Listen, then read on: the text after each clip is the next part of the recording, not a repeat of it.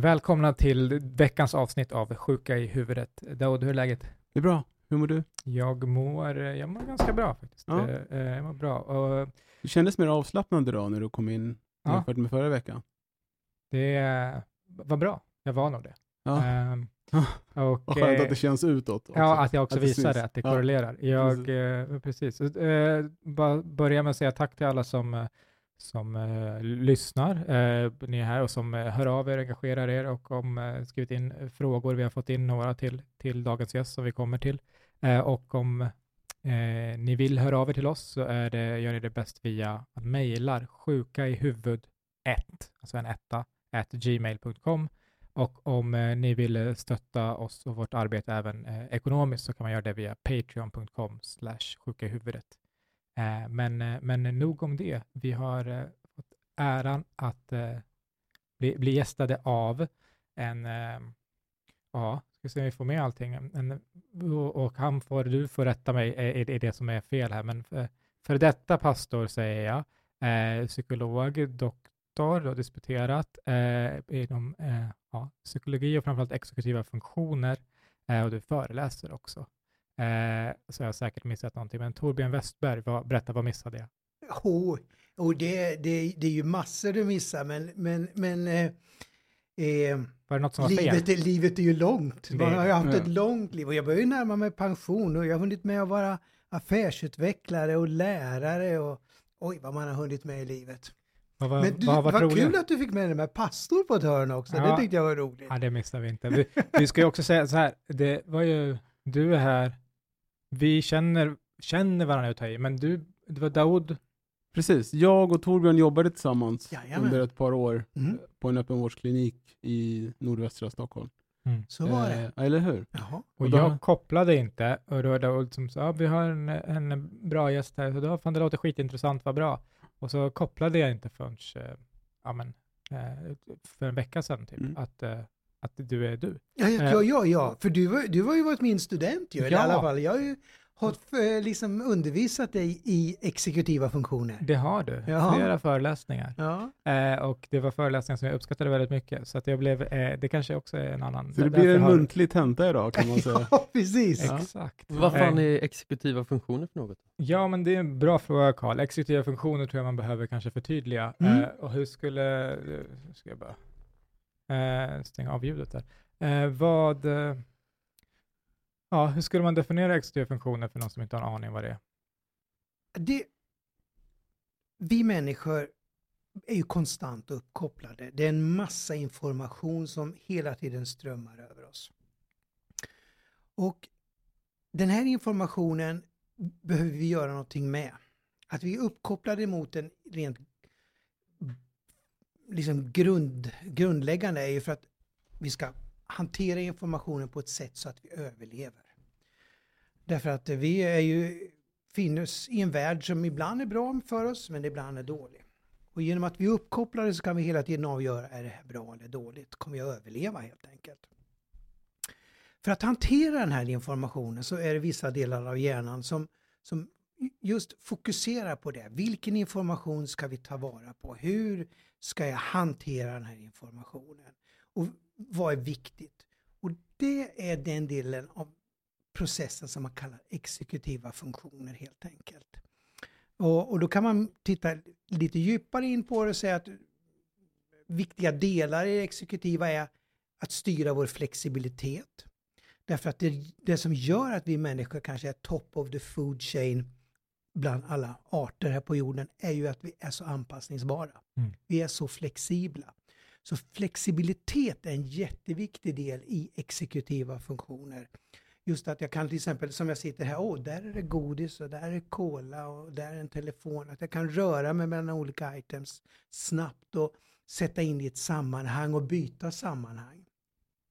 Så flexibilitet är en del i exekutiva funktioner som är avgörande helt enkelt. Sen finns det ju andra saker som också är jätteviktiga. Inhibering, Mm. att jag kan sluta prata nu till exempel. Mm. Och skulle du hålla med om, för det finns en, en eh, jag minns inte om det var du som sa det under dem eller någon annan föreläsare, men jag pratade om det att det är som hjärnans dirigent. Ja, ja men visst är det det. Det, det är ju att på något sätt få ihop allting i en helhet. Dels ta in informationen, koppla ihop den med tidigare livserfarenheter. Och där brukar man ha då arbetsminnet som någon slags liksom stödfunktion i det exekutiva. Det vill säga arbetsminnet är ju som skrivbordet där jag för ihop all information och slutligen fattar ett beslut utifrån. Mm. Mm. Men man behöver flera, eh, och jag, jag har eh, försökt att flasha upp minnet här, Ja. för det var ju några år sedan, men det finns ju, eh, man är inte riktigt överens va, om hur många olika exekutiva funktioner det finns. Olika teorier sätter upp det olika, men Så, så är det ju. Och det, och det är ju så att det finns ju olika, olika teorier har byggts upp under många år. Och, och eh, jag menar, det är ju ett sätt för oss människor att förstå tillvaron. Det är att avgränsa den, att sätta ord på saker och ting. Så en teori nu kommer att förändras vartefter vår kunskap förändras. Men eh, jag har mer och mer de senaste åren pratar om, om, om, om just flexibilitet, inhibering, planering va, också. arbetsminne och kreativitet som de, som de stora grejerna. Planering är ju på något sätt det som jag gör med det här. Ja, Mm. okej.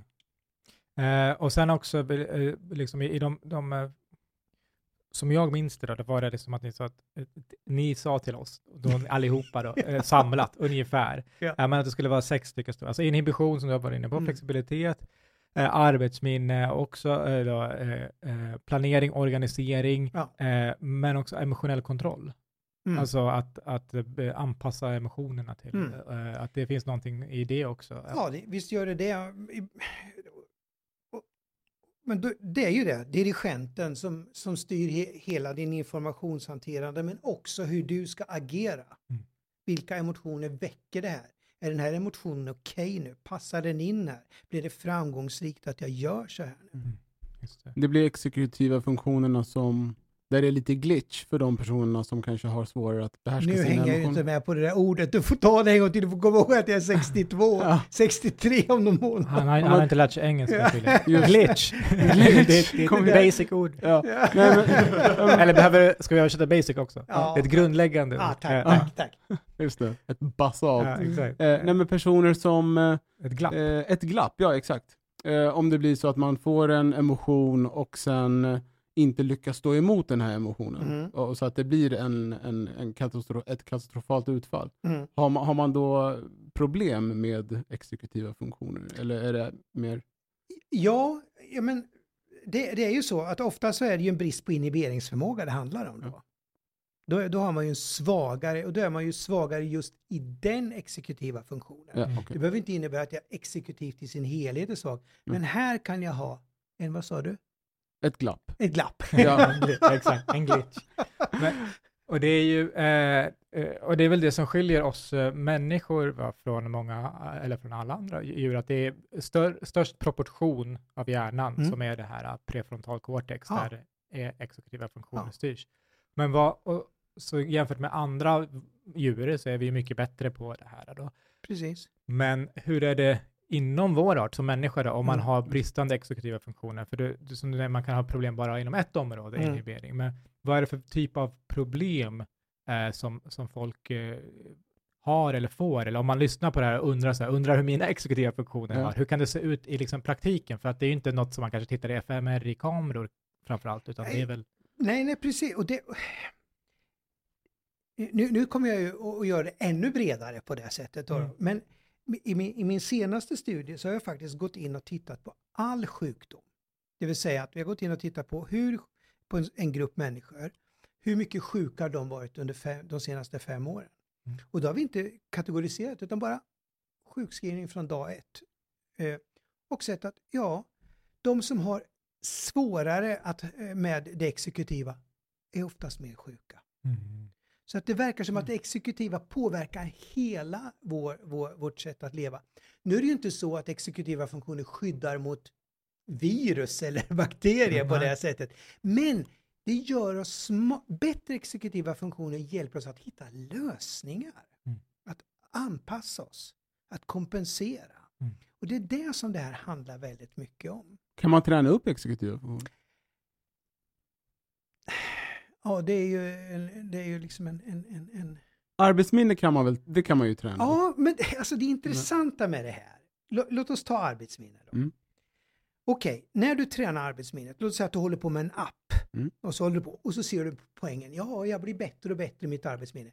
Men betyder det att du kommer att köra bil bättre? Att ditt arbetsminne kommer att vara större när du kör bil?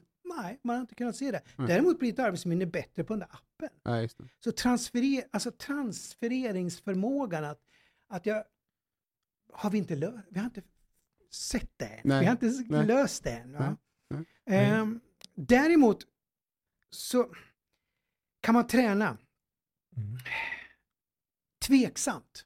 Mm. Men däremot om man vet sina svagheter kan man lära sig att bygga kompenserande strategier. Just. Och det är det som är A och O tycker jag.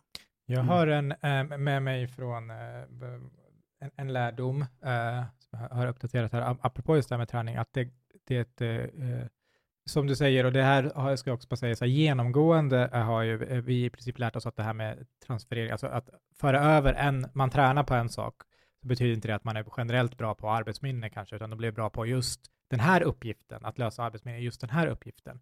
Men det är svårt att, att eh, generalisera den här färdigheten.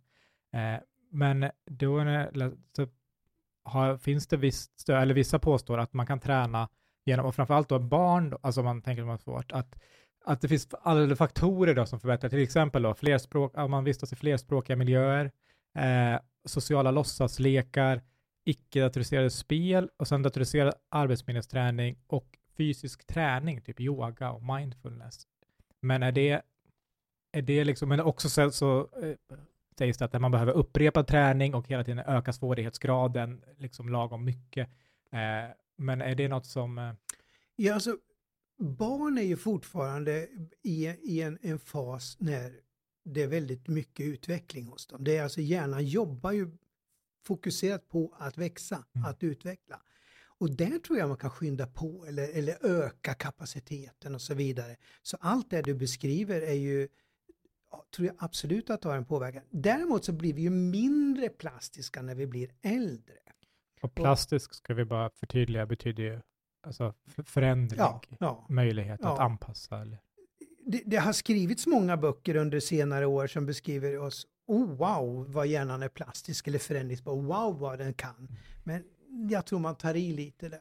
exemplet som, som åter, det finns några exempel på, på psykologprogrammet som, som återkommer eh, och ett sånt är på hjärnans plasticitet, alltså förmåga att förändras.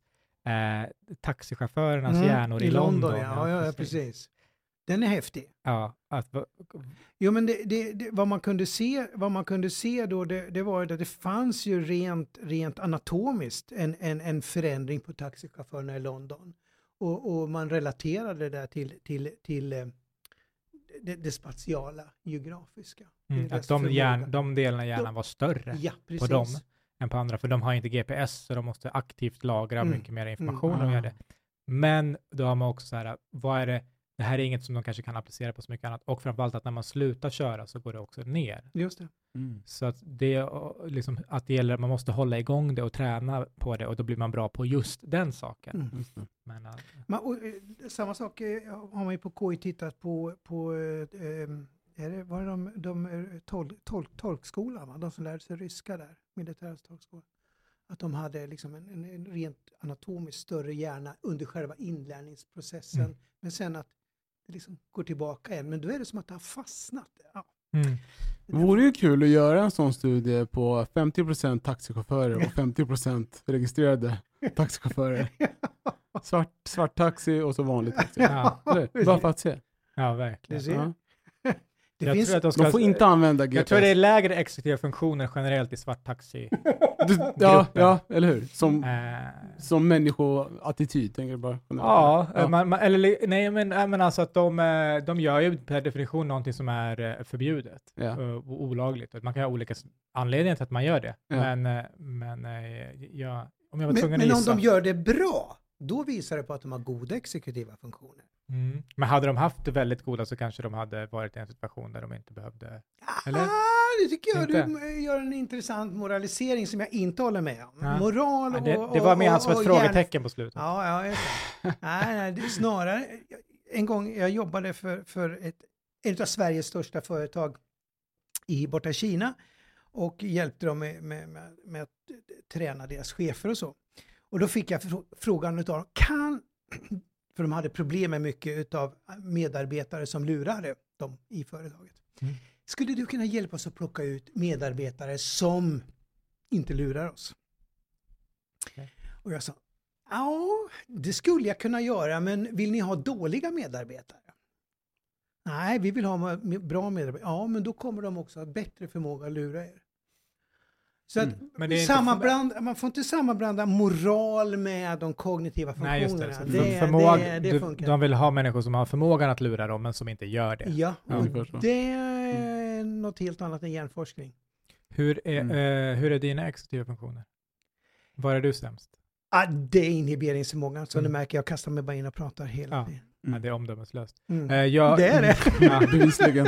Om, om jag hade klarat mig, om jag hade varit bättre i det här, då hade det gått bättre för mig. Vad fan gör du här? Du, Ja. vi har inte ens bjudit in dig Tobbe. Precis! Men, men titta, cola och jag hoppas att det finns Ja, sushi här någonstans. vi är jätteglada att du är här. Mm. Men vad, jag, eh, det är samma för, och, och en, ett problem man kan ha är att man får eh, diagnosen ADHD, Mm. som är några av de här sakerna. ju. Mm. Svårigheter planera, organisera, Mm. inhibera.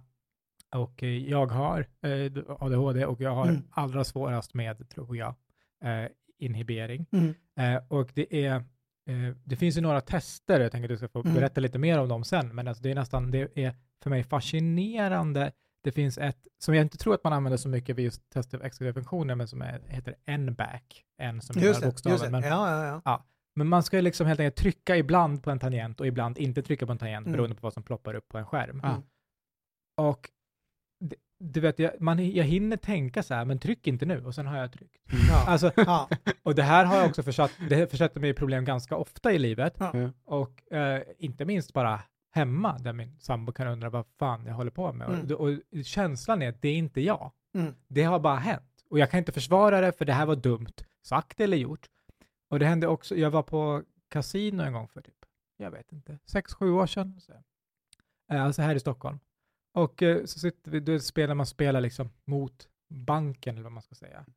Eh, och så finns det en så här bonusruta som man kan välja innan du får dina kort, så kan du lägga på den här bonusrutan. Eh, och eh, du- får du viss typ av, med låg sannolikhet att få så får du liksom extra mycket så får du bonus, men det är ju låg sannolikhet så ofta. Så Mm. då och då så lägger jag där, men inte alltid. Och så fick jag typ, vad det var, bästa korten. Mm. Eh, och så bara så här, fan vad synd att jag inte la där den här gången, Mm. tänkte jag. Och sen när jag tittade där, då hade jag lagt där. Alltså min hand hade, Mm. när jag tänkte så här, ah, vad synd att jag inte la den där. Mm. Jag önskar att jag hade gjort det. Mm. Då gjorde jag det. Eh, och eh, sen var jag så här, åh nej, vad ska jag göra nu? Jag kan inte, vad fan, nu har jag gjort det. Mm. Och han bara fortsätter att dela ut. Ja. Och sen betalar han ut Mm. vi- vinst liksom. Mm. Två, tre tusen kronor. Och sen kommer de och ro, alltså, du vet, sen så ser jag att han så här, du vet, ro- ropar i sin mygga här till någon och så kommer, de, och så kommer någon och så viskar han, du vet, han och så här. Och så får jag gå och sätta mig i ett rum och prata med dem och be om ursäkt. Och de var ju vä- vänliga. Men, och jag har inget försvar. Så här, nej, det var jävligt dumt. Och det var inte så att jag var onykter eller utan men jag kan inte, det, helt plötsligt så hade min hand gjort det. Det, det. det är så jag upplever att det inte var Mm, jag, det mm. var min hand. Jag kunde, jag hade... Alltså reflexmässigt mest. Nej, men, men, vad- man måste komma ihåg, eh, det, det är flera eh, inspel jag skulle vilja göra på det. Eh, men, men man måste komma ihåg att vi har inte en hjärna. Vi har flera hjärnor. Alltså må- många tror att vi har en hjärna, men hjärnan är ju, är ju flera delar och den har ju utvecklats under, vad vet jag, en miljoner år. Det innebär att du har olika med... Vad vet du? Du är hjärnforskare. ja, Du precis. vet, ja. men jag, Länge, ja. Eh, eh, och, och, och det innebär ju då att liksom, eh, vi har ju olika medvetanden. Och Mm. den där medvetanden håller ju hela tiden på att tävla om jag ska bestämma nu då. Mm. Och det innebär att, att eh, utifrån det tycker jag det är spännande med sådana gamla berättelser som Dr. Jekyll och Mr. Hyde och så vidare. Det, det, är- det är inget konstigt egentligen. Det beror på vilken del av hjärnan som får träda, träda upp och ta makten över, den, över det andra. Finns det viss del som är mer kopplat till det vi uppfattar som jaget eller som de mer medvetna handlingarna? Ja, men det är, alltså, så fort vi börjar röra oss mot frontalloben, ju Mm. mer vi har där, ju mer hamnar du i det som kontrollerar dirigenten. Och ju mer också det som är medvetet. Men det finns också smarta omedvetna delar. Det är de jag forskat mest på relaterat till mediala prefrontala cortex. För man behöver göra en skillnad på instinkt och eh, är ehm, beslutsfattande, så att säga medvetet beslutsfattande. Mm. Eller mm, inte medvetet, men smarthet som inte alltid behöver vara medvetet. Mm. Det innebär liksom att, eftersom jag forskar mycket på fotbollsspelare, när eh, man säger att fotbollsspelarna gör bra grejer, som åh det var deras instinkt. Nej, nej, nej. nej. Det tar 150 millisekunder att, att för hjärnan att räkna ut olika alternativ, vilket blir bäst nu. Är Den här loopen. Ja, vad behöver jag göra nu? Och det är inte instinkt. Man har kalkylerat, samlat in data och fattat ett beslut. Men det innebär inte att du är medveten. Det har inte gått ända längst fram, att du har fått ett ord på det. Medvetande har ju väldigt mycket med orden också att göra. Mm. Du har inte satt ord på det, men du har ändå analyserat och gjort något smart av det. Mm. Och sen, men sen kan du komma in på instinkt att du gör saker, hmm, oj då, nu gjorde jag så, det här skulle jag inte ha gjort. Men det var Är det instinkt då? Eller är det att man har gjort en analys och man inte har klarat av Så att... kan det vara också. Så kan det vara också. Och det är där eh, någonstans vi, vi har eh, inhiberingsproblematiken då Mm. också som ligger där. Att vi gör saker som vi, det här var inte bra. Men en del av hjärnan tyckte det var väldigt bra att göra. Ja. Och, och eh, det, det är ju, en- apropå det, för det var ju det som jag som, som liksom fotbollsnörd tyckte det var allra mest intressant eh, och, och, och häftigt och liksom som, en, eh, som ett fan bara att, att höra, för du, hade ju, du har gjort eh, flera olika studier, vi ska komma in lite på dem, men du har också, en av dem var att du har träffat och testat eh, fotbollsspelarna för de som heter Xavi och Iniesta, som är och har varit kanske hela 2000-talets eh, bland de absolut bästa spelarna och Ja. eh, mittfältare dirigerar spelet verkligen, behöver ha det. Och vad var det liksom som du, som du hittade och kom fram till? Eh, för du har ju också testat på i Sverige, eller hur? På elit, på Ja, ja, fotbollsspelare och division 1. Vad, Ja, det är massor med spelare. vad skulle du säga är liksom slut, vad, vad, vad är det eh, som skiljer då liksom deras hjärnor från, från våra, eller deras exekutiva funktioner? Då? Ja, men, ska jag, om jag tar kommun. Fast nu tappar jag bort det här med inhibering och ADHD, men vi kommer väl tillbaka till det. Du, du klipper runt det här antagligen Ja. sen. Ingen vet. Men, men, men eh, om vi- åker ner till, jag var i Barcelona då, eh, 2014, så det är, det är många år sedan nu. Men det var i samband med att det skulle bli VM. Ett japanskt tv-bolag ville då testa hjärnorna på de här spelarna. Så eh, de frågade om jag kunde åka dit och göra det. Så jag gjorde det. Ehm, var för japansk tv då. Och det var jättespännande att få te- testa de här gudarna då, för de, var ju ansedda som gudar då, Xavi och Iniesta. Eh, Iniesta eh, är en väldigt försynt, tystlåten person. Det är ingen som du går direkt eh, ut och eh, tar en öl med, men eh, Xavi är väldigt social och kul, Mm. kul prick då på det sättet. Kommunicerar ni på något språk De som hade, de, hade, de hade tolk faktiskt. Ja. För de, är- de är eh, engelska, ja jag pratar med engelska med dem. Ja, Men, men tolken sen översatte till, till, till spanska. deras jobb alltså. Ja. Du beskriver bara vad tolkar gör. Ja, precis. ja exakt, jag förstår. Jag Precis. förstår men det är bra. Tolkar. Det är fint. Alltså. Så det- Mm. Ja, Ja. så var det. Men, men eh, vad såg jag då? En massa intressanta saker. Om vi tar eh, Iniesta till exempel. Alltså hans förmåga att vara kreativ, intuitivt, är ordet jag använder, inte Alltså Mm. intuitivt, då, då har vi flyttat fram det till mer intelligens, alltså inte instinkt utan intuitivt. Du har analyserat data, du fattar ett beslut. Hans kreativa förmåga att hitta lösningar eh, ligger som en på, kan det bli, en på tusen har den förmågan av oss människor. Då. Det är inte så högt. Jättemycket. Det är jättemycket, men, men alltså en på tusen, då är det också så här, det betyder ju att det finns ju tusentals, Ja, hundratusen, ja. nästan. måste jag säga, Ja. så är, så är, tiotusentals. så är, det, ja, så är jag rätt, eller var det en på 10 000? Ah, ja. Ja, men, men, men jag hade Det- liksom tänkt att de är, men ja. Jag trodde du skulle säga en på miljonen. Nej, nej, nej. Jag menar Ja. alltså, men, men, det måste ju vara- finnas någon rimlighet. Jo, men jag, det. jag Ja. vet, jag är dramatisk. Nej, men, eh, han låg nästan, men nu hör jag på att tappa Han låg nästan tre standardavvikelser över det, ja. normalpopulationen. Mm. Så det, Och- blir ju, det blir ju en på 10 000 va? Ja, då måste Det det. ändå... Och jämför liksom med, för du har också testat division 1 var det det Mm, jo, men I jag Sverige? träffat- Ja, visst. Och sen har jag gjort massor, massor med olika studier. Vi har testat alla som eh, spelare som vann allsvenskan här för några år sedan, Mm. både på dam och här sidan.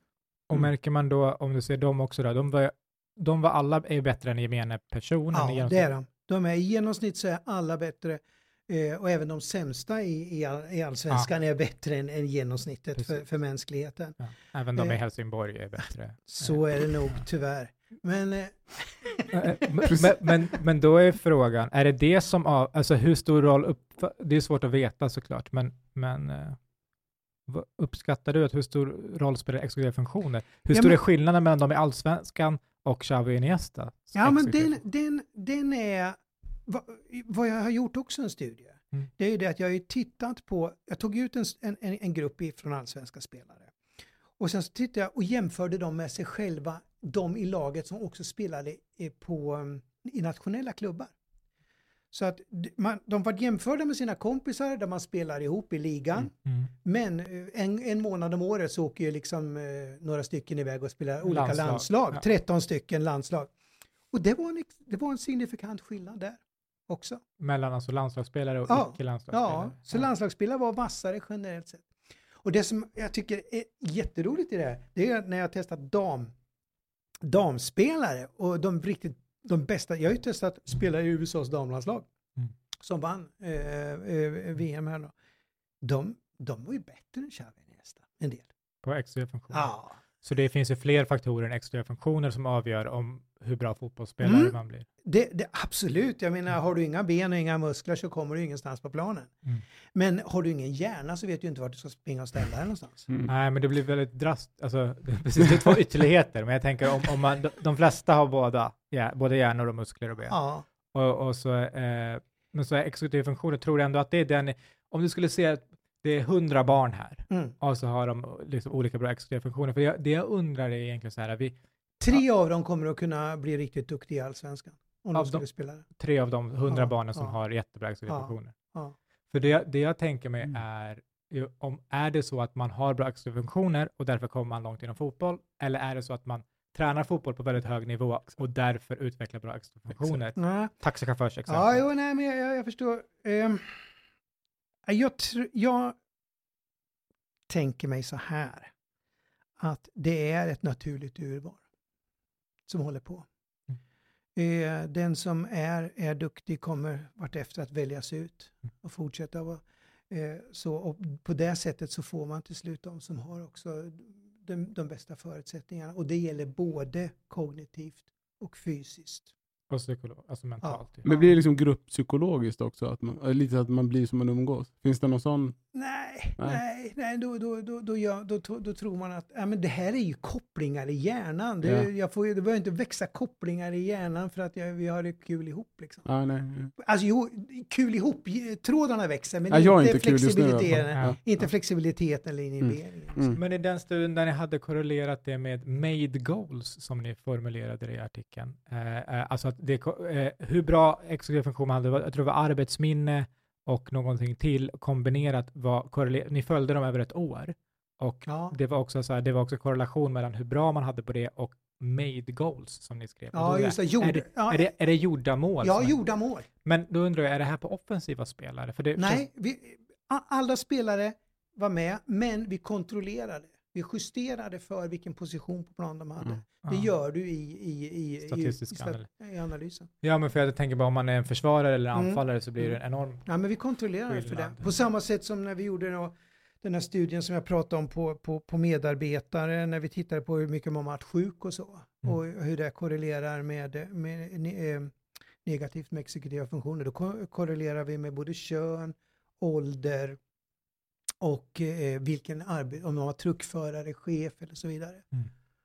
Men Så- hur förklarar man, för att gå tillbaka Mm. till kön, eh, hur förklarar man att du, du sa att ni hade gjort en studie på de kvinnliga spelarna i Mm. USAs landslag Mm. och de låg bättre Mm. än Iniesta. Mm. Är, är det bundet, kön, alltså bundet till könet också? Nej, jag, jag, jag tror, eh, jag, alltså, man får ju bygga en hypotes runt det då. Ja. Vad, vad, vad, vad tänker man om det? Och jag tror, om du, om du går och tittar på herrarna de spelar och damerna de spelar, så betyder det fysiska mer hos herrarna, har gjort i alla fall fram till nu. Man börjar, jag tycker jag börjar se en förändring Eh, tjejerna bör få mer och mer muskler, blir mer och mer snabbare och det handlar mer och mer om kroppen också.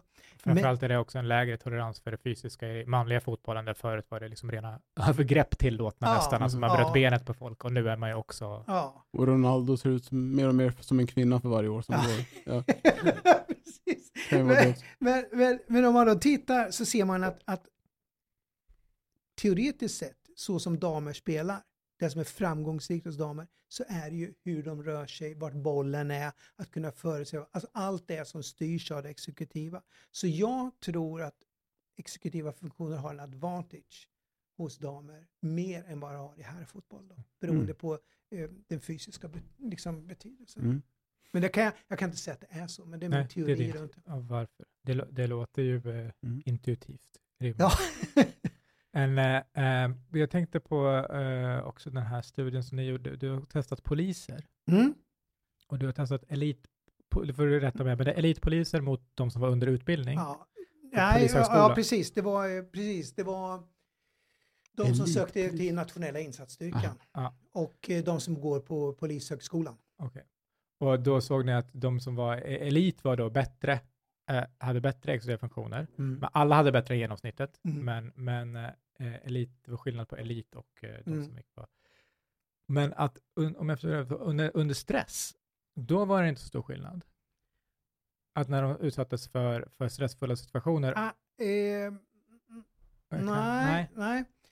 Eh, det första stämmer som du säger. Mm. Vi såg att det fanns en skillnad där. Det vill säga att jag tänker mig då att vad finns det en skillnad? Jo, det finns ett naturligt urval hos polisen också så att säga. De som, som eh, är så att säga duktiga poliser har en exekutiv förmåga och får då liksom befordra sig där. Mm. Och därav så, så, så var de som ehm, var, eh, sökte till insatsstyrkan då, de var vassare.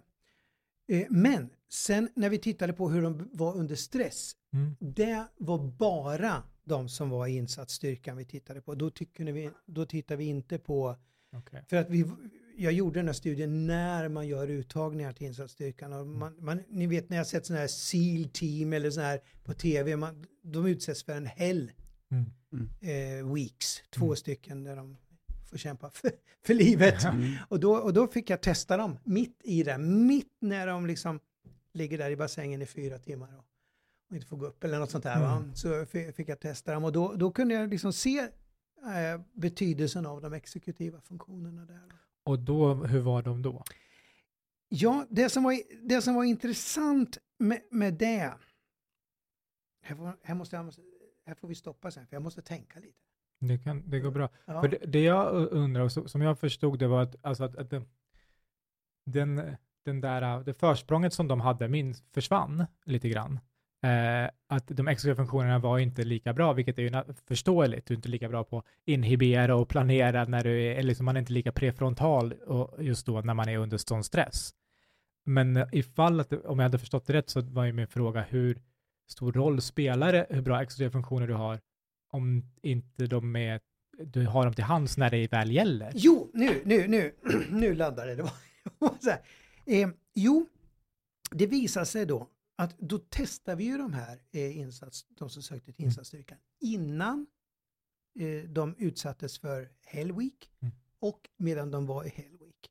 Och då var det som tanken där, ska vi, kan vi förutsäga hur de kan hantera stressen beroende på deras exekutiva funktioner? Och vad vi då kunde se generellt sett så var de som hade goda exekutiva funktioner behöll goda exekutiva funktioner även under stress. Mhm. Eh, men det som var intressant det var att de som hade riktigt höga exekutiva funktioner, en del av dem tappade totalt när de kom under Lägre stress. än den andra gruppen? Eller Ja, precis. Ja. Och de som hade dåliga lyfte sig. Och det är inte det man är intresserad Mm. av för att det ska vara praktiskt? Alltså Mm. att det är ofta i psykologisk testning där det är så här, men hur, hur användbart är det Vad här? ska jag göra med det här? Ja, liksom? och det Mm. här, det här är ju jätteintressant. För jag tror ju att det här eh, påverkar väldigt mycket av, då är vi inne på, på neurotransmittorer helt enkelt, och dopaminnivån. Neurotransmittorer, det är så signaler. Signalsubstanserna i hjärnan som får dig att, att och agera. exempel på det är dopamin. Dopamin, serotonin, Mm. GABA, glutammat och, och så vidare. Noradrenalin. Mm. Och så vidare. Mm. Ehm, och du tror att det är neurotransmittorer? alltså? Jag tror att det påverkar jättemycket därför att det intressanta med det här är att det finns en en, en, en, en, en, en liten eh, mojäng i hjärnan där då, som gör att dopaminnivån bryts ner. Alltså vi, vi, får ju ständigt, vi har ju ständigt en dusch, det kommer ständigt in dopamin igen.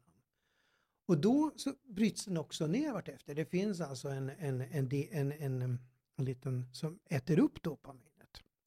Och då finns det en del personer som, som där, deras, eh, där deras dopamin äts upp väldigt fort.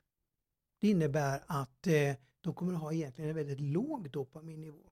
Mm. Och så finns det en del som har en, en, en, en dopamin eh, Är det enzymen? Som, Ja, som äter upp det väldigt eh, långsamt. Mm. Det innebär att du har en hög dopaminnivå i hjärnan. Och nu kommer det intressanta. Ju hög, generellt sett kan man säga att ju högre dopaminnivå du har så är du mer flexibel. Mm. Så du kan ha, alltså vara väldigt flexibel. Men när du då hamnar under stress, vad händer då? Jo, i stresshormonen går ut och då ökar dopaminet ytterligare. Det blir en extra dusch. Och då har det visat sig så att dopamin är ju, det är inte linjärt, det vill säga att ju mer dopamin du får ju bättre blir det. Utan den är som ett inverterat U. Som stress? Då, då slår det över. Mm. Så att det kan vara så att du kan vara otroligt flexibel, otroligt eh, liksom, framgångsrik när du inte är stressad. Mm. Men så kommer stressen, pang, och då slår det över och då tappar du din förmåga. Mm. Medan då de som har en låg eh, nivå, Mm. då, när de får den här duschen, Mm. Då ökar ju de och kommer upp i sin normala funktion och kan alltså vara mer flexibel när de är stressade. Mm. Och det här tycker jag är det, nog det som är mest spännande med just den studien. För det här skulle jag verkligen vilja titta mer på.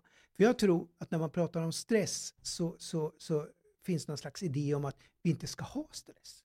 Mm. Vi ska ha så låg stress som Mm. möjligt. Vi- Nu, nu ska vi va- vara coola och ha det skönt här. För en del kommer det vara jättebra. Därför att då är, kan de vara optim, då är de optimerade. För deras höga dopaminnivå gör att de flödar. Va? Mm. Men för en del, har de ingen stress så får de inte något levererat. Mm. De, deras dopaminnivå är för låg. Så att jag tror att när man i idrott och i alla sammanhang och arbetsplatser så måste man mer individuellt titta på, ska den här personen ha mer stress? Mm. Eller ska den ha mindre stress? Man kan inte prata om det som att stress är dåligt eller bra. Eller något. Och, och stress har vi också fått lära oss fungerar likadant som det där eh, inverterade U. Ja. Är att, att eh, la, lite stress är, är så olika mycket för individ, olika individer, men är bra för man behöver få motivation för Ja. att göra saker. Mm. Men vid, så kommer det någon breakpoint när det blir för mycket Ja. och då blir man sämre av den stressen. Men i och med att, du har, att vi alla har olika liksom, grundnivå Mm. på dopaminet så, så, så blir det vår reaktion på stress olika. Men också, du, vid de här testningarna, oavsett om det var de här i, eh, liksom, på Polishögskolan eller om det är kör vi en gäst och så här, hur, hur går det till? Är det liksom eh, Stroop-test eller har du Mm. något? Ja, precis. Det, jag, jag, jag gillar de här papper och penna-testen. Eh, därför att eh, jag har fortfarande inte hittat på datorn ett test som tar in hela det exekutiva flödet. Oftast är datortest ett knapptryck, Mm. tryck, tryck. Det är bara ett tryck, tryck, tryck. Men när man jobbar med ett exekutivt test i ett flöde, att du måste föra en penna en viss bana, du måste, då, då plötsligt tas det in mer av hur din kropp agerar. Det, det finns olika modeller att föra den här pennan från A till B till C. Du, du, du måste hålla rätt på var du var någonstans för att föra och så vidare. Det är mer komplexitet och på det sättet kan du mäta mer av det exekutiva. Och hur, kan- hur kan ett sådant test eh, se ut? För nu, nu sa jag bara Stroop-test, men jag Mm. uppmanar folk som, som lyssnar att, att bara söka på, på YouTube. Jag tror att ni har kommit i kontakt med det. Det är ofta att man ska säga färger som står med en viss, med en annan, det står en färg, men på en, med en annan färg, så det står grön med röd Ja. text. Och ibland Mm. ska man säga eh, färgen, ibland ska man säga bokstäverna som Och, står. och grejen med det är ju det att din hjärna har ju, har ju liksom lättare att läsa. En, den är, förförståelsen läsa är starkare än förförståelsen att, att reagera på färgen. Mm. Och därav krockar det i hjärnan då. För man tvingar din hjärna att göra tvärt emot vad du egentligen är tränad för. Mm. Och det är då som man prövar din inhiberingsförmåga. Då. Eh, men mitt, mitt favorittest heter Design Fluency. Okej. Mhm. Eh, eh, ehm, vad heter det på svenska? Det har bort. Men, men det, det, det, det är mitt favorittest.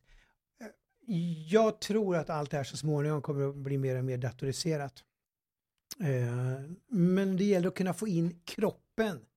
En, och att inte bara din reaktionsförmåga, utan det ska handla om hur ditt kropp, hur du flödar, hur du löser, kommer ihåg i hjärnan, får flytta din kropp till nya ställen, komma ihåg, nej men där har jag ju varit. Och så, Mm. ja. Men alltså, Mm. all, alla som har jobbat kliniskt vet att jobba med testningar eh, alltså mot intervjupersoner och med tolk, att det finns liksom alltid en risk för bortfall av information. Ja, ja, men det, Va- hur- det, det gör det. Och när, när, jag, när jag var nere i Spanien då och testade dem, då, då testade jag dem ju med tolk. Men, ja. men mycket av de här testen är ju Icke-verbala. De är icke-verbala och bygger på det perceptiva, eh, intuitiva Ja. som vi alla människor har. Jag har gjort de här testen i Kina och där var ju ett helt annat skriftspråk och, och en helt annan kulturell förstå. Funkar. Ser man Mm. skillnad i olika delar av världen på, på gruppnivå? Att så här, Nej. Nej. Inte vad jag vet, inte, Nej. och inte vad jag... jag och nu kan jag bara säga att jag kan jämföra amerikaner, eh, europeer och kineser. Mm. Men där kan jag inte se någon skillnad.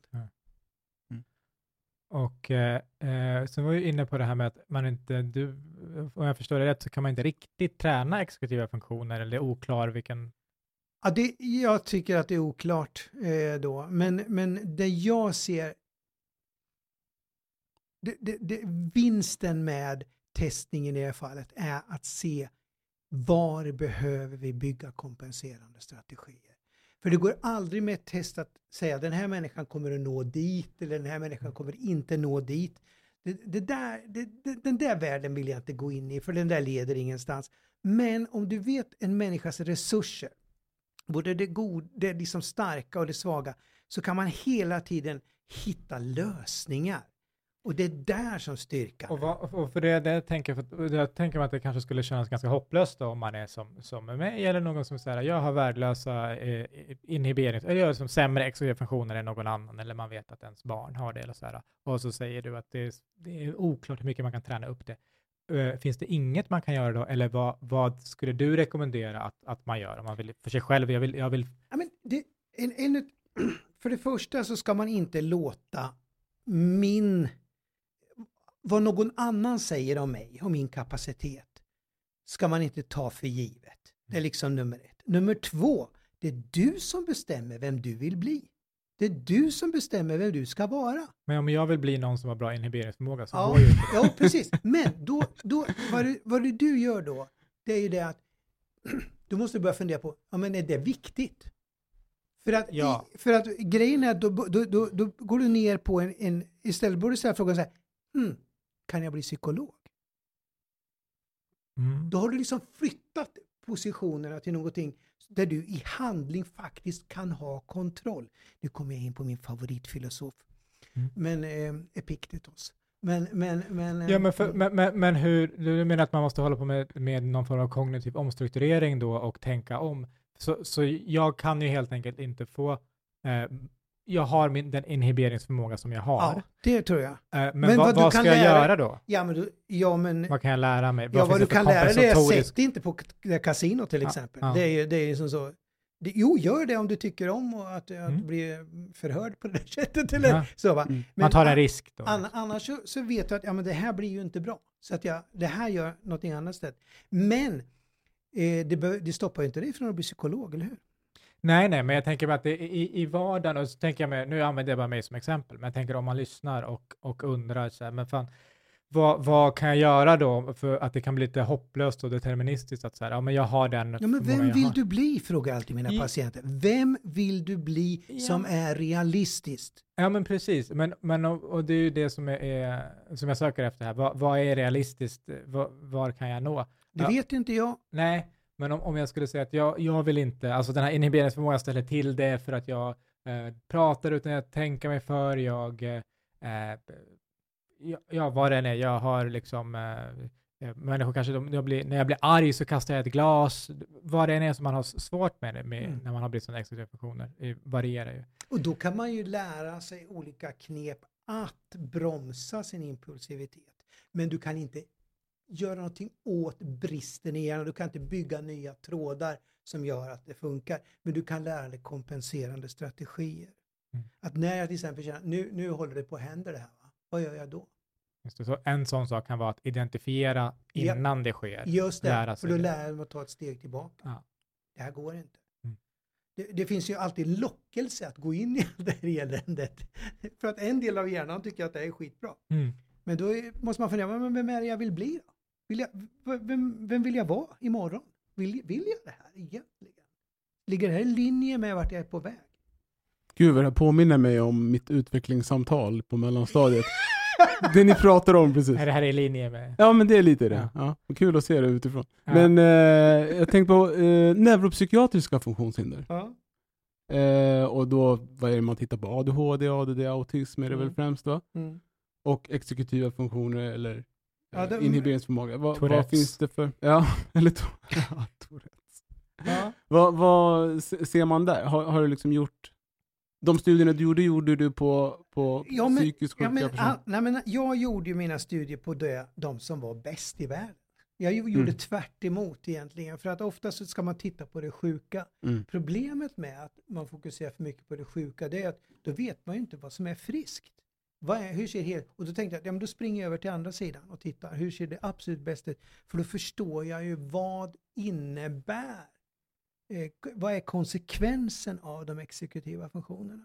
Alltså här ser man, okej, när man eh, funktionsnedsättning då kan leda till, om man har en inhiberingsproblematik eller impul, bristande impulskontroll, ja men då ser man, jaha, då har man dem och de. Men hur blir det om man har bra då? Om man har bra, vad leder det till i livet? Och då kan vi på något sätt se helheten av vad det är att vara människa och då är det lättare att manövrera. Så det, det var det som mina, min, min forskning har handlat om då. Men sen är det ju så att när, det, när vi kommer in till neuro, neuropsykiatrin så vet, alltså idag är det en symptomdiagnostik det handlar om. Mm. Det är ju väldigt lite som är förankrat på något sätt i, i att ja, men den kopplingen brister där. Det är ju inte som att ta ett blodprov och så Nej. ser vi om, om jag har förutsättningar för att få stroke eller något sånt där. Det är inte objektivt på det sättet. Det är inte objektivt på Ja. det sättet och framförallt så vet... eh, Ja, precis. Det, det Mm. finns en hel massa problem med det där. Och, Mm. och, och, när vi jobbade ihop eh, Daoud så, så, så jobbade jag ju mycket med att göra utredningar. Mm. Och under den här tiden var det ju då också som vi fick reda på att ADHD-diagnostiken hade ju ökat med 900 procent. Mm. Och då måste man ju börja ställa sig frågor till det. Är det 900 procent fler människor som har fått ADHD? Eller vad är det som händer här? Och håll, är det så att vi håller på och försöker få ett samhälle där alla ska ha en diagnos för att vi överhuvudtaget ska agera? Eller kan vi vända på det? Kan vi börja titta på hur ska vi göra varandra mer mm, mänskliga, jag på att säga, än sjuka? För kriterierna har ju inte Det var, förändrats. det var felaktigt ord för alla är mänskliga. Mm. Jag hittar inte ordet. va? Nej, nej. Eh, Men för kriterierna har, ju- för ADHD har ju inte förändrats. Nej. Nej. Men det, där kan man ju, eh, om man skulle bara eh, vara en eh, motargument är väl att man, vi har blivit bättre på att eh, upptäcka det, testa det, så att, an, och eller att eh, omständigheterna har förändrats så att det blir, säger för mig då, jag fick min diagnos när jag var vuxen, när jag fick barn, för att innan det så kunde jag kompensera, alltså hantera, det blev inte ett problem. Och så kan det också vara att samhället eh, ställer andra krav och förväntningar som gör att fler människor för ADHD är ju bara symptom. Och eh, alltså samlingssymptom. Så vi, vi kan, och, och diagnos är bara när det blir ett problem i ditt liv. Mm. Eh, så det, det går ju att, att föreställa sig att antingen både att man testar fler eller att samhället har förändrats så att fler, eh, färre klarar av att liksom kompensera för sina eh, bristande Jag, exekutiva jag, funktioner. jag tror du har rätt. Eh, jag tror att det dels är, är, finns en samhällsförändra, eh, en, en faktor, en förändring i samhället. Jag menar, gå till vilken um, sån här a- a- annons där de ska liksom anst, anställa någon, så ska ju alla vara flexibla. Mm. Alla ska vara anpassningsbara. Och jag menar, det finns inte mer än 10 000 som har eh, Anders Limpar-flexibilitet i Sverige. Mm. Och de är väl upptagna nu liksom. Ja, de har fått jobb redan. Förmodligen. vi, vi har inte tid med det. Nej, så, så liksom, det, det, det, det finns ett krav från samhället på människor som de inte kommer att kunna uppfylla. Det, det, är- det är ena Or, orimliga krav. Det, det är a- absolut. Eh, och sen, men sen har vi också det här med den, eh, att, att vi har fått eh, CS. Alltså, Centralstimulerande har- läkemedel. Ja, precis. Och, och jag brukar, jag brukar skoja med mina arbetskamrater ibland och så säga så här, "Ah, jäklar vad dåligt vi jobbar idag, ska vi ta lite CS? Alla mår bra av CS, generellt sett. Alla kan, kan, kan höja sin prestationsförmåga. Mm. Så att jag, jag tror det finns någonting där också, en lockelse att med den här medicinen så kan jag prestera bättre. Mm. Eh, och det här gillar läkemedelsindustrin också. Ja, att det Mm. finns Så- ett, eh, en synergieffekt, Ja, båda ja, är inne ja. på det här. Så, så att det, Men, men ska man också säga att problem, eller sen finns det ju de som eh, inte klarar av vardagen utan centralstimulering. Alltså alla mår, i princip alla mår bättre av det, presterar bättre, man blir mer skärpt, men det finns de som utan det. Absolut, Eh. absolut. Du, har helt, du har helt rätt i det. Och det är här vi på något sätt måste se helheten. När jag började eh, göra eh, ADHD-utredningar i början på 2000-talet. Alltså de som fick en ADHD-diagnos, men de var riktigt illa däran. De funkade inte i samhället. De kunde inte hantera ett jobb. De klarade inte gå ut skolan. Mm. Men, men när jag jobbade upp med Daoud och man började få patienter, ja men de hade hög utbildning, Mm. de, de, de ehm, eh, eh, hade klarat sig genom livet, men nu stod de inför, och jag ska snart kommentera det du sa så, Mm. men nu stod de inför att de inte kunde prestera som tidigare. Nej. Många, många var ju av, eh, på remisserna i alla fall, stod det, de hade klarat av en kandidatexamen Ja. exempelvis, men skulle nu plugga till Ja. magister. Precis, och då, och då behövde gick de- det inte längre. Ja. Och här måste vi ställa oss en fråga. För att det här, det här är egentligen samhället måste bestämma sig. När går gränsen för funktionsnedsättning? För att det är där du i slutändan handlar i, han, det handlar om. Eh, eh, när är jag funktionsnedsatt? Är jag funktionsnedsatt när jag inte längre kan nå det jag vill? Mm. Eller säger samhället, nej det är den här nivån. Mm. Och du, du får gärna kalla dig funktionsnedsatt men vi kommer inte gå in med resurser till. Nej. Mm. Jag tror det är där någonstans vi eh, landar. Mm. Och jag tror att vi som individ, allting har ju blivit så individualiserat så att när, när, när jag mäter en person så jämför jag den mot någon slags norm. Mm. Men, men när människor kommer in och vill bli testade så jämför de sig med sig själva. Ja, men jag är Mm. jättebra på det, men här är jag kass. Så får jag upp det då. Så man har sig själv som norm. Mm. Och det kommer inte att hålla. I alla fall inte för samhället att pröjsa för. Liksom. Nej, men Mm, visst. mm. Nej, det är det. Vem ska betala för det här Ja. och är det liksom skatte, det är skattebetalarnas Ja, pengar? ja. Men, men, men om det är eh, fritt att knapra CS så ja, men gör det om du vill det. Ja, ja. Apropå, jag, måste, jag tänkte på det när du sa det här med att eh, orim, ah, jobbannonser och orimliga krav, Ja, kanske förväntningar. Så såg jag att det, det var du vet, Björne i Björnes magasin. Ja, ja. Annonserar de ut. Eh, och då behöver man ha en eh, så högskoleutbildning i teater, alltså du är på Teaterhögskolan. Mm, mm. Det, det, Det- Också, eh, kanske man inte måste. Nej. Det hade, jag, ja, jag vill inte förminska de som gör det, men jag tror inte. Nej, det kommer ju komma måste- till den nivån att folk söker ADHD-utredningar för att kunna bli Björn i Björnes magasin. Om man behöver. Ja, Så alltså, att de behöver ses. jo, ja, ja, ja, det skulle inte, det skulle inte Ja, förvåna. det tror jag nog att för att vara Björne måste man nog. Jag tänker Det. Han är. Björne är inte nykter. Nej, nej, nej. Någonting är det. procents Fa- chans. Fast, fast, fast han, han, han, han kanske inte behöver ses, han behöver, kanske behöver röka på istället. Ja, jag kan tänka mig. Eh, det- vi, eh, vi, pratar med dig om så mycket saker och vi har Ja, mycket visst gör vi. Ja, exakt. Men vi har fått en fråga här också. Om någon säger jag har hört talas om, och jag vet inte om du kan svara på det här, eller Daoud, men jag har hört talas om embodied cognition. embodied cognition, förkroppsligad kognition typ. Eh, är det någon av er som är, är bevandrade i det här eller Va- kan va- något om det? Ingen aning. Du får nästan slå på nätet för vi se vad det kan vara. Ja. Eh, I- Innebär och, eh, förkroppsliga? Ja. Kan det vara Ja. förkroppsliga kognition? Ja, förkroppsliga kon- teorin att många, eh, om att många särdrag i kognition, vare sig de är mänskliga eller på annat sätt, formas av aspekter av en organisms hela kropp. Sensoriska och motoriska system ses som, en fundamentalt integrerande, ses som fundamentalt integrerade med kognitiv bearbetning. Det lät ja, flummigt. Det, det, det, än så länge hör jag ingenting som låter konstigt, men jag skulle vilja veta vad man drar för slutsatser. Vad vill Ja. man för att kunna svara på det? Vi vet helt enkelt för Nej, lite för att kunna nej. g- g- gå Men det in låter i det spännande. Mm. Eller hur? Mm. Mm. Så det är någon som undrar varför, varför eh, Cola Zero blev så jävla populärt. ja, ja, men det, det är nog en, en, en, en slags, Ja, du dricker det? ja, ja, men det är nog en slags fetmaångest. Ja. Ja. Det, det var var, var, var det någon skillnad på det och Cola Light? Ingen aning. De, mina barn påstår det, men jag vet inte. Nej. Uppfattar ni att ni, tror ni att ni känner skillnad på smak på Cola, Cola Zero och Pepsi? Ja, Pepsi men det tror jag. Jo, men det är jag också. Ja. Ja. Vi ska prova det. Eller jag, Mm. jag, har, eh, eh, jag trodde också det och jag hade i alla fall fel. Jag har provat på jättemånga och de flesta har fel. Ja, ja. Eh, det, alltså när man blundar, tar ett Ja, blindtest ja, sen. Liksom. ja. Det är ungefär Eh. som rött och vitt vin. Ja, det där accepterar jag inte. Berätta teorin så folk vet. Nej, nej, nej. nej men det, är bara... Nej, men det, är att det, fin- det är ju att man inte kan känna skillnad på, om man håller för näsan, Ja. så känner man ingen skillnad på rött och vitt vin. Ja, men det kan jag. Jo, men så kan det nog vara. Aldrig. Alltså lukten. en, en sak, Nej, men lu- tänk, en sak smakar rött ju- vin, Mm. den andra smakar som att du har spelat fotboll jättelänge och så Mm. silar du vatten igenom det. Okej. Det är de två olika smakerna. Det måste vara Ja, skillnad. men nu pratar du om Sauvignon Blanc. Kattpiss på, på Nestle. Liksom. Ah, bara vitt vin. Ja, det- Allt vitt vin smakar Det blev nyhetsmorgon här. svett. Eh, Fyra solar på... Noll, Eh. noll solar.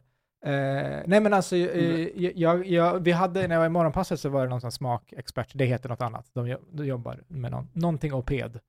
Eh, och, och personen påstod det här. Jag, jag kan liksom inte acceptera det. Jag, jag, men, eh, men det är mycket sån här eh, kunskap inom citationstecken som man har, som är svår. Det spelar ju ingen roll hur motbevisat det blir nästan. Man själv vet bäst. Jag, jag vet väl för fan hur barn blir på socker. Jag behöver ingen studie som berättar det för mig.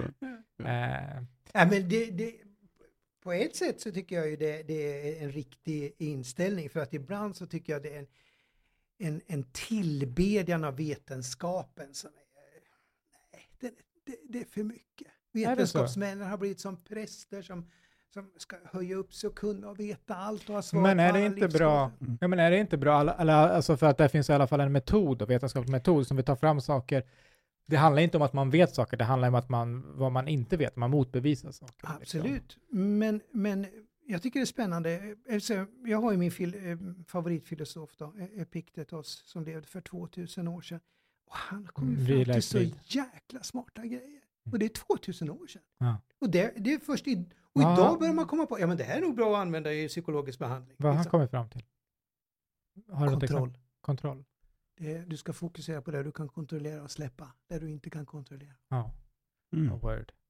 Eh, det, ehm, men apropå det, och nu, nu Och det du kunde han komma på utan eh, någon naturvetenskaplig forskning. Så Ja, det, han satt och tänkte bara. Ja. Ja, men och det är det jag tycker om, men det har vi sagt här tidigare, varför psykologi är så intressant, för att det är kombination mellan filosofi och typ medicin, eh, och liksom Jag, vetenskap, jag, jag tycker tycker jag. Ja, men jag tycker att vi behöver, jag tycker man måste ha den öppenheten. Jag är ju, jag är, jag är ju medicinedoktor, men, men jag menar, jag tycker man men- måste ha den filosofiska Men du öppenheten. är också, och det är det jag menar med, med, med det jag sa tidigare, så före detta pastor, för Ja. det, men du är, blir man, alltså är det en titel, förlåt, pastor, alltså det, om, man har Ja, den men jag tjänsten har, jag har ju en, en, en, en examen i teologi. Ja. Mm. Eh, har du, men hur är den här balansen då mellan eh, vetenskap och teologi?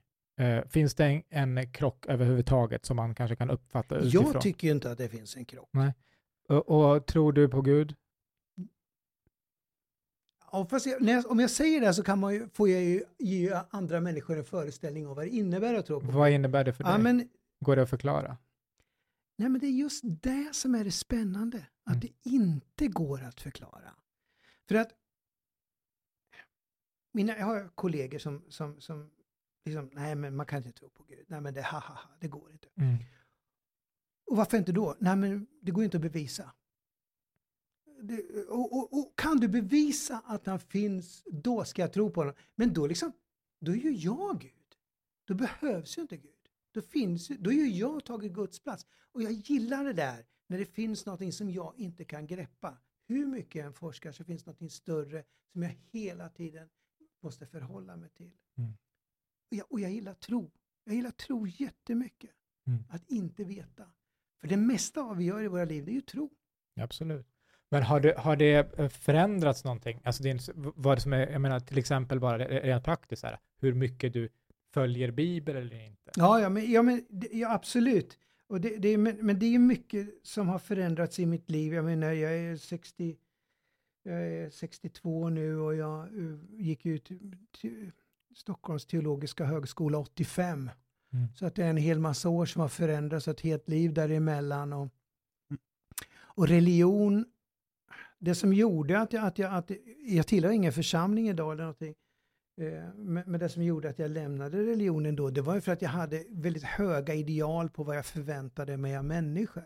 Och blev så besviken på, på, på andra människor utan att kanske titta på vad jag själv bidrog med för att Mm, förstöra. Mm. Mm. Men, men, men, men, men, det, men sen när jag började läsa psykologi då, så upptäckte jag att samma, eh, det var ju likadant typ bland psykologer, då, då krigade psykodynamiker och KBT-are med varandra och vem som, var, vem som hade den sanna tron och så vidare. Så det, det är en sekterism som jag reagerade på i kyrkan och som jag egentligen reagerar på bland psykologer också. Och överhuvudtaget i samhället. Och det där har gjort att jag är, är känslig för att till exempel finnas med i någon kyrka.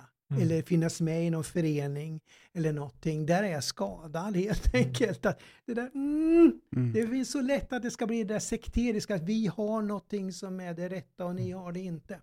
Mm. Så att du läste psykologi för att förstå, eh, eller när, kanske inte därför, men när du läste psykologi så förstod du människor, och, både alla människor och deras beteende mer, och det teologiska var för att förstå det som är större än dig. Ja, Det Ja. och däremellan var jag affärsutvecklare och ägnade mig åt pengar. Ja, och för Så att att förstå jag- eh, ja. cash. Ja. och förstå att det handlar om makt. Ja. Eh, Intressant, det är, det är väldigt spretigt alltså. ja. Ja, Ja. Visst, visst det är Ja. Men också inte. Jag vet inte. Det, det, man kan också se att det, det hänger ihop. Att man, man, jag tänker att det är ett sökande. Eh, som, som eh, jag- ser det. En, en person som, som söker efter svar. Och Ja, som ja, vill det är det. förstå sin omgivning och sig själv. Eh, och, eh, Det är det ju och det- definitivt. eh, och det, man, blir aldrig, det- man blir aldrig tillfredsställd va?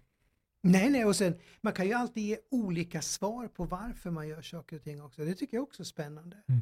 Varför gjorde jag så? Ja, men I ett sammanhang ger jag det svaret, i ett annat sammanhang ger jag det svaret. För att vi är mångfacetterade. Mm. Vi är inte strömlinjeformade. Vi är inte en. Vi har flera hjärnor som vill olika saker. Hur många har vi? Nej, jag vet inte. Okej, en handfull. Ja, men det är bara att vi har, det, jag, jag skulle kunna sitta här en, ett, ett helt år, men eh. Karl här som pockar på min uppmärksamhet också. Eh, jag tycker bara också det är intressant, det, apropå återkommande saker med han eh, som, eh, jag vet inte om du tog upp han, men jag tror alla gjorde det, Finnus Gage, Mm, som mm. återkommer på psykologprogrammet. Känner du till den här Daud? Nej, det gör jag inte. Man får alltid man får en bild, eh, eh, så här ser han ut, där. Mm. Jag ser. Och han, det var på 1840-talet. Eh, han, typ tidiga gånger man lärde sig om exekutiva funktioner.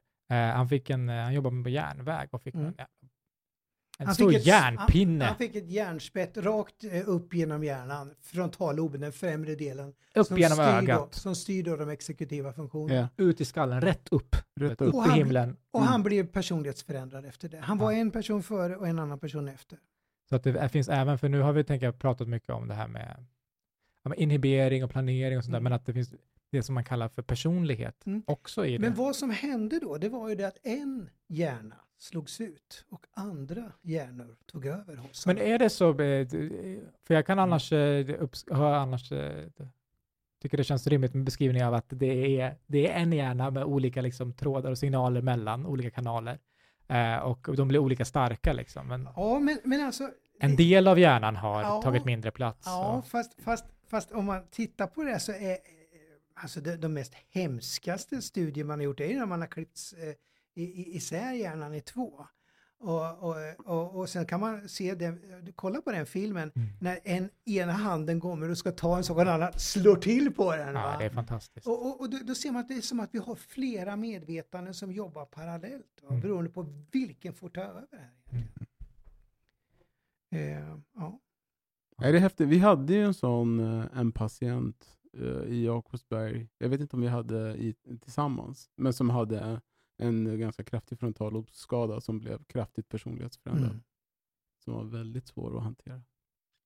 Vad, Så, eh, ja. vad ska du göra? Eller liksom, håller du på med, med forskning också abstrakt? Håller du på med, med något projekt nu och forskar? Eller Mm, nej. nej, nu, har jag ju fått ett nytt knä. Så att jag har varit sjukskriven i snart Ja, två ja. Och det innebär att jag, då har jag skrivit en bok under tiden. Okej, Mm, mm. Psykologisk behandling enligt Epiktetos. okej. Ah. Ja, så det handlar om eh, den, det sättet jag har behandlat patienter nu under tre år. Det är väl en 500 patienter ungefär. Mm. Så, och, eh, så det- Exempel ur din, eh, alltså hur du har gjort. Ja, Ja. precis. Eh, och det är hur jag blandar då eh, den här visdomen ifrån eh, Epiktetos, eh, den här 2000 år gamla visdomen, med hur, vad vi vet om hur hjärnan funkar idag. Med olika hands-on, hur vi kommer till rätta med våra liv. Kan man, eh, vem kan komma åt den här boken? Ja, nej, får se.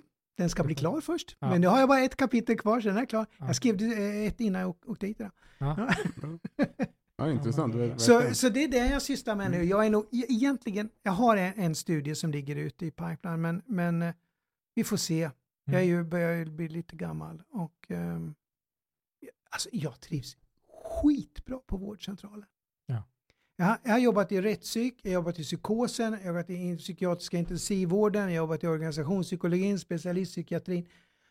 Och nu tänkte jag när, jag började, liksom, när jag fick då min, min, min, medici, min disputerade, så tänkte jag, ja men vad ska jag göra nu? Vårdcentral är kvar. Mm. Och det är det roligaste jag har gjort. Jag har nog Varför aldrig hjälpt så mycket människor. Vad, vad beror det på? Eller ja, vad, men det, det, människor som kommer dit Mm. är ju för det mesta ganska välfungerande. Men någonting har tillfälligt gått sönder. Så man kommer in snabbt innan det brakar igenom Mm. och kan med liksom lite Epiktetos eh, hjälpa dem att komma till rätta. Mm. Mm. Och det, det, det, det är en bra hitrate. Det är jättevärdefullt. För, eh, speciellt, jag talar för mig själv, vi som har jobbat inom specialistpsykiatrin eh, i många, många år. Att ha sån kompetens inom första linjens psykiatri, alltså på Aj. vårdcentralerna, Ja. är ju jätte, jättebra. Alltså, det- är sån skillnad mot att jobba i specialistpsykiatrin. När, när vi jobbade ihop där, då, att Mm. eh, eh, man kände ju bara, jag kommer ju aldrig någon vart. Eh, Man lägger ner, du, om jag förstår rätt, du lägger ner jättemycket mera jobb för mycket mindre resultat. Ja, precis. Hos, hos Men i person- primärvården så kan du ju liksom med små medel få människor att bara jubla Mm. efter ett tag. Är det något som du tycker är frustrerande, eh, Daoud, alltså på andra sidan, att, att man jobbar väldigt hårt utan att kunna hjälpa personer särskilt mycket i, i slutändan? Ja, men det tycker jag. Det- Jag tror att, eh, och det blir också väldigt belastande för våra kollegor inom eh, vårdcentralerna eh, om det kommer för många som har väldigt mycket livspusselproblem och som, som inte går att hjälpa. Och då spiller det över också till, till specialistpsykiatrisk sektor, liksom, eh, där de egentligen inte ska vara. Men de behöver ju få hjälp någonstans. Mm. Eh, men, men absolut, som svar på din fråga, jag kan tycka att det blir frustrerande. Eh, för att det blir också att eh, patienter som väl sätter sig fo- sin fot inom specialistpsykiatrin, det är som att eh, kraven automatiskt går upp på vad de har rätt till. Eh, och vad de, eh, som, som du sa, eh, jag känner mig själv bäst och jag vet vad jag bäst behöver. Att den typen av inställning ökar lite grann. Eh, så, och, så av den anledningen kan det vara frustrerande. Men vi försöker ju hjälpa så gott det går. Mm. Liksom. Mm. Möta allas förväntningar. Realistiska förväntningar. Mm, precis. Mm. Men- Men framförallt så egentligen till syvende och sist så är det varje individ som bestämmer vad den ska göra med sitt liv. Och det är ju större mo- du, ju, ju fortare du inser att du är ansvarig för ditt liv, ju fortare kommer du att eh, kunna hantera och kunna komma vidare ur ditt problem. Amen. Med eh, de fina orden så, så, eh, Eh, får vi sätta punkt? Vi. Ja, bara för att det har gått så länge. Vi, och, eh, fortsätta, vi får fortsätta prata när vi stängt av Ja, eh, ja, ja. mikrofonerna helt enkelt. Tusen tack till framförallt dig Torbjörn som kom eh, och delade med dig av din expertis och, och eh, allt annat. Stort tack. Eh, din bristande inhiberingsförmåga. Eh, Ja, min, Ja. min bristande inhiberingsförmåga, Den den, är stor. Eh, tack till alla er som har lyssnat och som sagt vill ni höra av er till oss så är det sjuka i huvud 1 gmail.com eh, och eh, eller kan man gå in på patreon.com slash sjuka i huvudet eh, om ni vill bli patreons. Ta hand om varandra.